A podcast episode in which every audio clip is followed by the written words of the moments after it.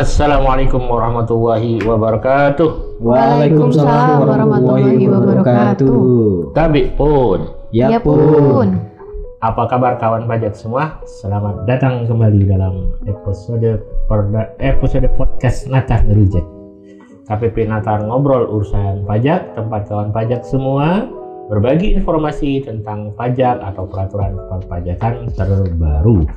Perkenalkan saya Muhadi, penyuluh dari KPP Pratama Natar yang akan memandu obrolan kita pada kali ini. Bersama saya di sini sudah ada teman-teman yang akan menjadi narasumber. Bang Kinceng, apa kabar Bang Kinceng? Alhamdulillah, terima kasih Pak Muadi. Saya sehat, semangat buat kawan pajak semua pada hari ini. Dan rekan penyuluh yang lain, Mbak Dimi, apa kabar Mbak Dimi? Alhamdulillah baik Pak Muhadi. Dan Kak Chandra, apa kabar Kak Chandra? Alhamdulillah kabar baik juga Pak Modi.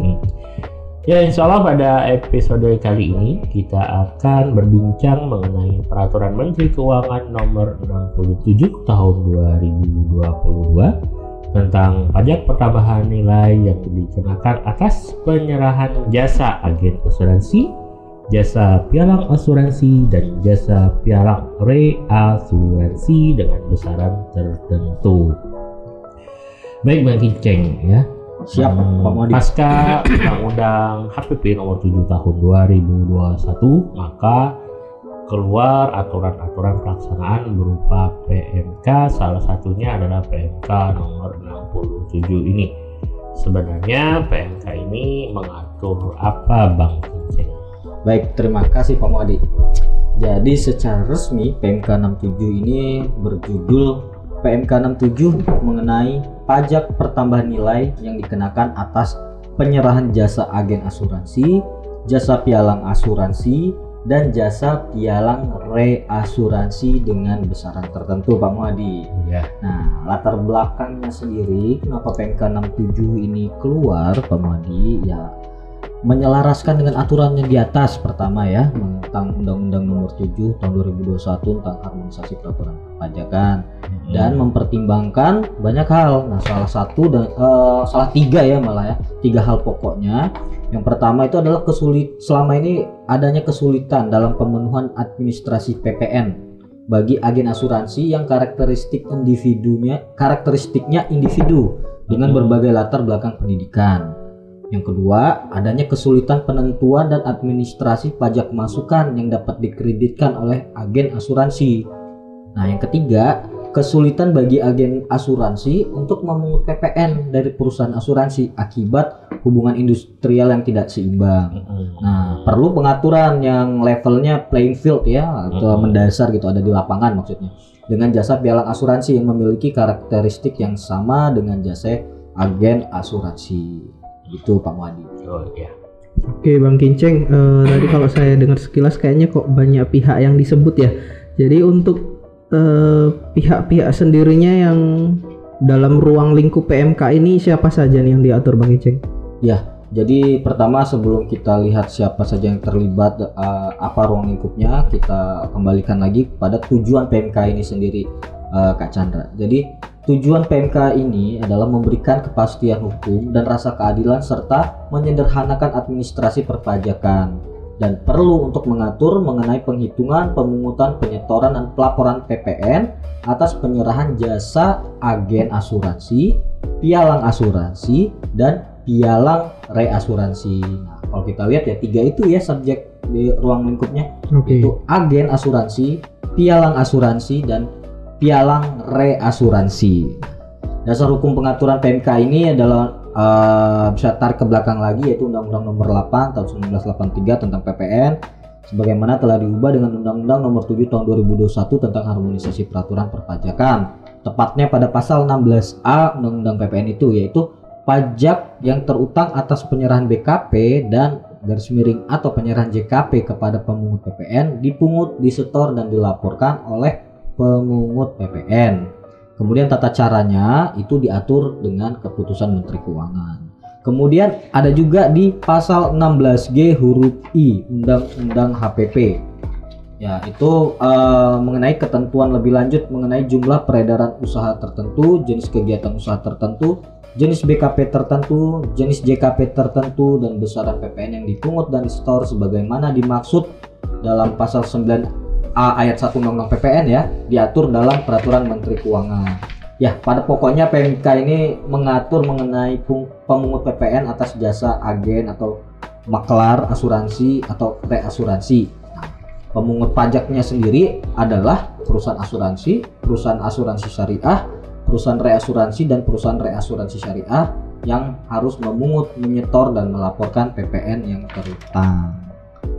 Seperti itu, Kacang. Oke, makasih Bang Kinceng. Iya, terus tadi kan udah subjeknya ya. Kemudian Iya. kalau objek, tarif dan skema potong pungut dalam transaksinya gimana nih Bang Kincing? Eh, sebenarnya sederhana ya, eh, Mbak Dimi ya. Sebenarnya sederhana. Tadi kita udah lihat eh, subjeknya adalah agen asuransi dan pialang asuransi dan pialang reasuransi. Nah, untuk agen asuransi sendiri itu adalah eh, pertama objeknya adalah komisi atau imbalan dengan nama dalam bentuk apa pun yang dibayarkan kepada agen asuransi. Nah, itu adalah objeknya dan dikenakan tarif PPN sebesar 1,1 persen. Nah, nilai pembayarannya ini adalah yang sebelum dipotong pajak penghasilan atau pungutan lainnya ya, termasuk komisi yang dibayarkan berdasarkan penerimaan komisi atau imbalan agen asuransi di bawah manajemennya. Jadi kalau dia emang uh, kumpulan dari orang-orang yang punya uh, imbalan di um, bawah manajemennya, ya ini termasuk komisi yang di bawah-bawahnya itu juga. Nah, itu yang dibayarkan ya dikenakan tarif 1,1 persen. Yang kedua untuk subjek pialang asuransi atau pialang reasuransi itu dikenakan tarif 2,2 persen PPN dari komisi atau imbalan dengan nama dan dalam bentuk apa pun yang diterima oleh perusahaan pialang asuransi atau perusahaan pialang reasuransi itu. Nah, dengan catatan nilai pembayaran komisi sebelum dipotong pajak penghasilan atau pungutan lainnya. Jadi nilai komisinya masih kotor ya belum dipotong-potong. Nah tarif ini ini berlaku eh, sampai dengan 31 Desember 2024 nah nanti ada tarif baru nih per tanggal 1 Januari 2025 yaitu ada kenaik ada uh, ketika PPN berubah ya menjadi 12% uh, tarif efektif yang berlaku pun berubah gitu. Jadi jasa agen asuransi yang tadi 1,1% menjadi 1,2%. Kemudian jasa pialang asuransi dan jasa pialang reasuransi itu 2,2% dan 2,4 menjadi 2,4%. Seperti itu Kak Dim, Mbak Dimi. Hmm, Bang Kinceng, ini kan terkait dengan PPN itu kan harusnya dipungut dari eh, PKP. Eh, jadi gimana Bang Kinceng penjelasannya terkait PKP terhadap pemungutan pemungutan PPN ini Bang Kinceng? Jadi eh, benar sekali eh, Pak Muhadi. Jadi ketika kita bicara PPN kan tidak terlepas dari status PKP ya. Jadi perlu eh, saya sampaikan nih status pengusaha kena pajak untuk eh, subjek-subjeknya sendiri. Yang pertama adalah agen yang memiliki NPWP itu dianggap telah dikukuhkan sebagai PKP, Pak Muhadi. Jadi jika belum ber-NPWP dia harus mendaftarkan diri ke KPP. Jadi agen-agen asuransi ini yang walaupun dia bukan PKP ketika dia udah punya PWP tapi pekerjaannya adalah sebagai uh, agen asuransi dia dianggap sebagai PKP otomatis. Ya. jahat ya. Enggak ya. Mau aturan seperti itu. ya kemudian pialang dikukuhkan sebagai PKP dengan mekanisme ketentuan umum. Jadi kalau pialang uh, tadi agen asuransi kemudian kalau pialang asuransi atau reasuransi dikukuhkan sebagai PKP itu harus mem- uh, mendapatkan sertifikat elektronik ya untuk keperluan pelaporan ya untuk keperluan pelaporan ataupun pembuatan faktur. Tidak membuat faktur nanti tapi dia perlu melapor tapi masih perlu sertifikat elektronik juga. Kemudian seluruh agen dan pialang tetap PKP walaupun pengusaha kecil ya. Omset tidak lebih 4,8 ya. Ini balik lagi tadi. Pokoknya seluruh agen atau pialang asuransi ini Berapapun omset berapapun omsetnya tetap PKP. tetap PKP tidak melihat omset eh, 4,8 miliar itu ya. Tapi ada beberapa hal, misalnya dalam hal selain menyerahkan jasa agen asuransi, agen juga menyerahkan BKP dan atau JKP lainnya. Agen asuransi wajib melaporkan kegiatan usahanya untuk dikukuhkan PKP sepanjang jumlah peredaran usahanya melebihi pengusaha kecil. Begitu. Pak Madi. Masih Bang Ceng. Oke, kemudian Bang Kinceng nih, eh, saya bingung nih masalah faktur pajaknya. Jadi kan eh, tadi harusnya kan yang nerbitin faktur pajak itu agennya ya, karena dia yang menyediakan Hmm. jasanya ya, Iya. agennya menyediakan jasa, terus seakan-akan langsung ditetapkan PKP harusnya buat faktur. Hmm, Nah ini yang buat faktur adalah tadi jadi jadi siapanya? Hmm, jadi Eh, pialangnya ya. ya betul. Nah. Jadi perlu saya tegaskan pertama wajib PKP. Nah, karena dia sudah PKP, agen asuransi, perusahaan pialang asuransi dan perusahaan pialang reasuransi itu wajib membuat faktur pajak karena statusnya sebagai PKP itu. Tapi ada kemudahan. faktur yang berlaku dalam konteks PMK ini bukan seperti faktur yang kita kenal uh, secara umum ya. Nah, ini pertama nih, bukti pembayaran komisi atau statement of account dari perusahaan asuransi atau perusahaan asuransi syariah kepada agen yang dibuat melalui sistem as- perusahaan asuransi itu atau perusahaan asuransi syariah itu dianggap faktur pajak. Jadi bukti Oh, iya. pembayaran komisi dianggap faktur pajak. Kemudian kedua, bukti tagihan atas penyerahan jasa pialang asuransi atau jasa pialang reasuransi yang dibuat oleh perusahaan pialang asuransi dan perusahaan pialang reasuransi itu juga dianggap sebagai faktur pajak. Hmm. Nah, jadi bukti pembayaran kepada agen atau bukti tagihan pialang ke pengguna jasanya itu juga dianggap faktur pajak. Nah, faktur-faktur pajak ini kita sebut dengan dokumen tertentu yang dipersamakan dengan faktur pajak ya. Nah, di Undang-Undang PPN emang sudah diakomodir. Namun perlu diingat untuk dokumen tertentu yang dipersamakan dengan faktur pajak paling sedikit memuat. Yang pertama nama dan NPWP PKP yang menyerahkan jasa agen asuransi, jasa pialang asuransi atau jasa pialang reasuransi. Yang kedua, nomor urut dan tanggal dokumennya yang dibuat oleh sistem PKP. Kemudian nilai komisi atau imbalan dengan nama dalam bentuk apa pun yang diterima oleh PKP dan jumlah PPN yang dipungut Hmm. dan ini harus di eh, wajib dibuat paling lama akhir bulan berikutnya setelah bulan diterimanya pembayaran komisi atau imbalan dengan nama dan dalam bentuk apa pun oleh agen, agen asuransi atau pada saat penyerahan jasa pialang asuransi atau jasa pialang reasuransi sesuai dengan ketentuan perundang-undangan. Jadi ingat fakturnya bukan faktur pajak yang kita kenal di aplikasi desktop, tapi bukti bayar komisi atau bukti tagihan dari perusahaan jasa pialang itu dianggap faktur pajak. Hmm. Oke, jadi udah nggak bingung lagi ya. Saya eh, tadi tadinya bingung nih kalau buat bikin faktur pajak berarti banyak banget kan Iya, tiap betul sekali. karena agen asuransi banyak ternyata Agen bisa pakai pembayaran komisi itu pembayaran aja ya. Itu dianggap adalah faktur pajak Kak Ca. Oke, makasih Bang Kinceng. Terus kemudian Bang Kinceng untuk kewajiban pemungutan PPN-nya ini gimana nih? Apa sama seperti PKP pada umumnya? Jadi eh, pada prinsipnya sama ya, cuman eh, titik tekannya ya beda. Misalnya kayak eh, bisa saya jelaskan seperti ini. Pemungutan PPN ini oleh pemungut PPN. Nah, pemungut PPN ini kan tadi kita udah tahu ya, ada perusahaan asuransinya, pialang asuransi atau pialang reasuransinya. Nah, P- eh, perusahaan asuransi, perusahaan reasuransi dan perusahaan reasuransi syariah ini wa- pertama wajib memungut PPN pada saat yaitu pembayaran komisi kepada agen ya atau penerimaan pembayaran premi oleh pemungut PPN dari perusahaan pialang asuransi dan perusahaan pialang reasuransi. Nah, jadi PPN ini wajib dipungut oleh pemberi apa yang membayarkan ya, yang membayarkan eh, komisi ke agen atau pada saat dia menerima pembayaran premi oleh pemungut PPN dari perusahaan pialang asuransi dan perusahaan pialang pialang reasuransi. Nah, kemudian pada saat setelah dipungut itu harus disetor ya.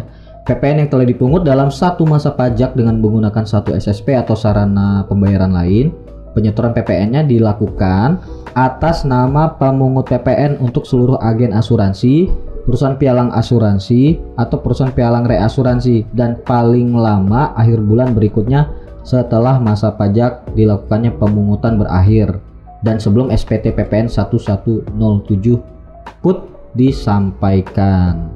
Nah, untuk pelaporannya sendiri itu adalah memakai SPT PPN 1107 put ya.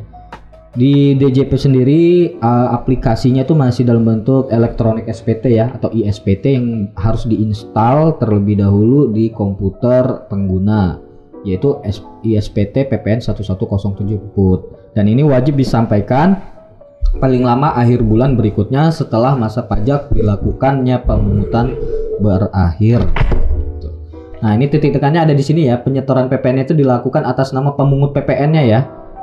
Atas nama pemungut PPN bukan yang bukan yang eh, dipungut ya, atas nama pemungutnya. Jadi kalau misalnya perusahaan asuransi A nah, mengut agen-agennya nih, nah, pembayar agen. Jadi eh, PPN itu disetor atas nama asuransi A itu, bukan atas nama agen-agennya. Masih Bang Kinceng, kalau detail pengisian eh, KPP atau KJS di e-billing untuk terkait pemungutan PPN ini gimana? Iya? Ya, tadi ya billing setoran PPN ya. Eh, kolom nama dan NPWP itu diisi dengan nama nama dan NPWP pemungutnya ya. Udah ya, pemungut PPN. Kemudian kode jenis setorannya 900 ya, 900 untuk penyetoran PPN dalam negeri yang dipungut oleh pemungut selain instansi ya. Ya, kita sudah tahu ya 920 dan 930 itu oleh instansi pemerintah ya. Dan satu kode billing untuk satu masa pajak. Jadi untuk berbagai macam seluruh agen asuransi di bawah naungannya itu wah, dibayarkan satu aja billing diba- dibayar pemungutan PPN itu. Sekaligus. Itu, sekaligus. Oke, kalau pelaporannya gimana Bang Kinceng? Terus apa aja nih ya eh, yang perlu diperhatiin waktu kita ngisi SPT masa PPN put tadi? Ya, ini sebenarnya uh, lebih enak ya visual ya. Uh, saya tunjukkan SPT putnya ya. Uh, jadi pelaporannya memakai SPT PPN 1107 put ya, pungutan ya. Nah, Cuman perlu diperhatikan bahwa kolom dan N- uh, kolomnya kolom nama rekanan dan NPW rekanan diisi dengan nama dan NPWP agen asuransi, ya, perusahaan pialang asuransi atau perusahaan pialang reasuransi. Kemudian kolom faktur pajak diisi dengan nomor dan tanggal bukti pembayaran komisi atau bukti tagihan komisi. Kemudian kode dan nomor seri faktur pajak yang diganti ada kolom itu ya. Eh, diisi dengan nomor bukti bayar komisi, pengganti atau bukti tagihan komisi jasa pialang asuransi, pengganti dalam hal terdapat penggantian dokumen. Nah, kolom DPP diisi dengan nilai komisi atau imbalan agen asuransi. Nah, kolom PPN diisi dengan nilai PPN yang dipungut sesuai tarif ya. Kemudian kolom PPNBM diisi dengan tanda eh, garis bawah, garis bawah underscore ya, underscore. Kemudian kolom tanggal store PPN diisi dengan tanggal penyetoran PPN yang dipungut dan tanggal store PPNBM diisi dengan tanda underscore juga. Nah, itu ya pada pokoknya itu sih yang harus diperhatikan Kak Chandra. Oke, makasih Bang Kinceng.